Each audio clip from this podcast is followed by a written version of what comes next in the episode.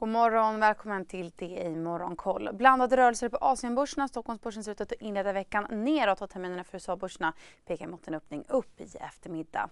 Tokyobörsen och Shanghai-börsen handlas i sidled. Hongkongbörsen backar 1 och Shenzhenbörsen lyfter en halv procent. Inköpschefsindex i den japanska tillverkningsindustrin steg till 53,5 januari enligt preliminär statistik. Samtidigt så sjönk PMI för tjänstesektorn i sin skarpaste takt sedan augusti till 46,6 från 52,1. 1,1 månaden innan.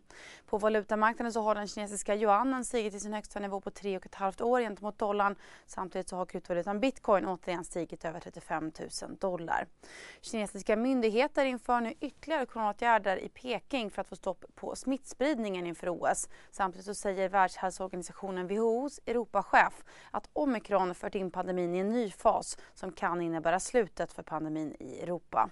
Marknaden inväntar nu amerikanska centralbanken Fed Feds räntebesked på onsdag där Fed väntas signalera en första räntehöjning i mars. Marknaden håller också utkik efter hur stor höjning som är att vänta och hur många räntehöjningar man kan vänta sig i år. Amerikanska storbanken Goldman Sachs skrev i en analys i helgen att Fed kan komma att strama åt hårdare än vad marknaden väntar sig.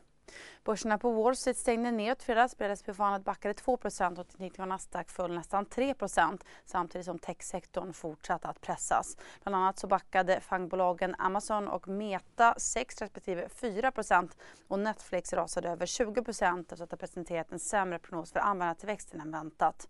Den amerikanska tioårsräntan sjönk 5 punkter till 1,76 men har återigen stigit några punkter. Vi är specialister på det vi gör, precis som du. Därför försäkrar vi på Swedea bara småföretag, som ditt. För oss är små företag alltid större än stora och vår företagsförsäkring anpassar sig helt efter firmans förutsättningar. Gå in på swedea.se företag och jämför själv. Till 1,78 procent.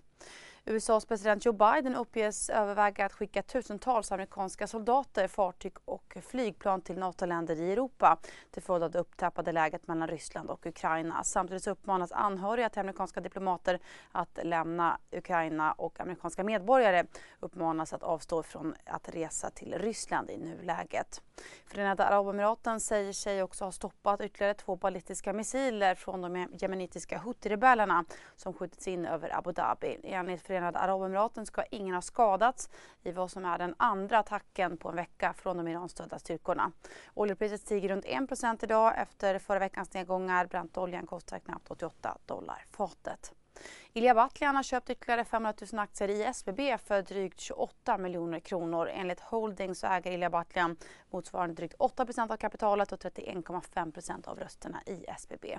Och forskningsbolaget Oncopeptides ändrar sig och återkallar sitt frivilliga tillbakadragande av Pepaxto i USA och har inlett en dialog med den amerikanska läkemedelsmyndigheten om att gå igenom ny data efter att man gjort ytterligare en granskning av eh, analys Eh, av data från bland annat Ocean-studien. Samtidigt har transplantationsbolaget Exvivo fått godkännande för Kidney Assist Transport av den amerikanska läkemedelsmyndigheten FDA. Bolaget skriver i ett pressmeddelande att strategin är att bli global ledare inom abdominalområdet och att Kidney Assist Transport är en nyckel för att göra det möjligt.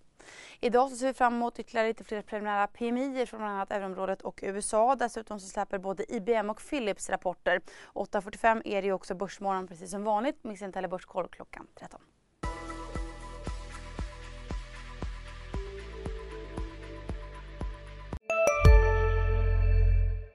CSRD, ännu en förkortning som väcker känslor hos företagare.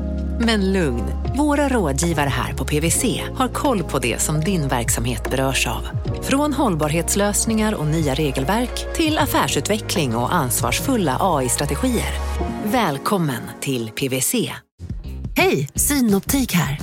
Så här års är det extra viktigt att du skyddar dina ögon mot solens skadliga strålar.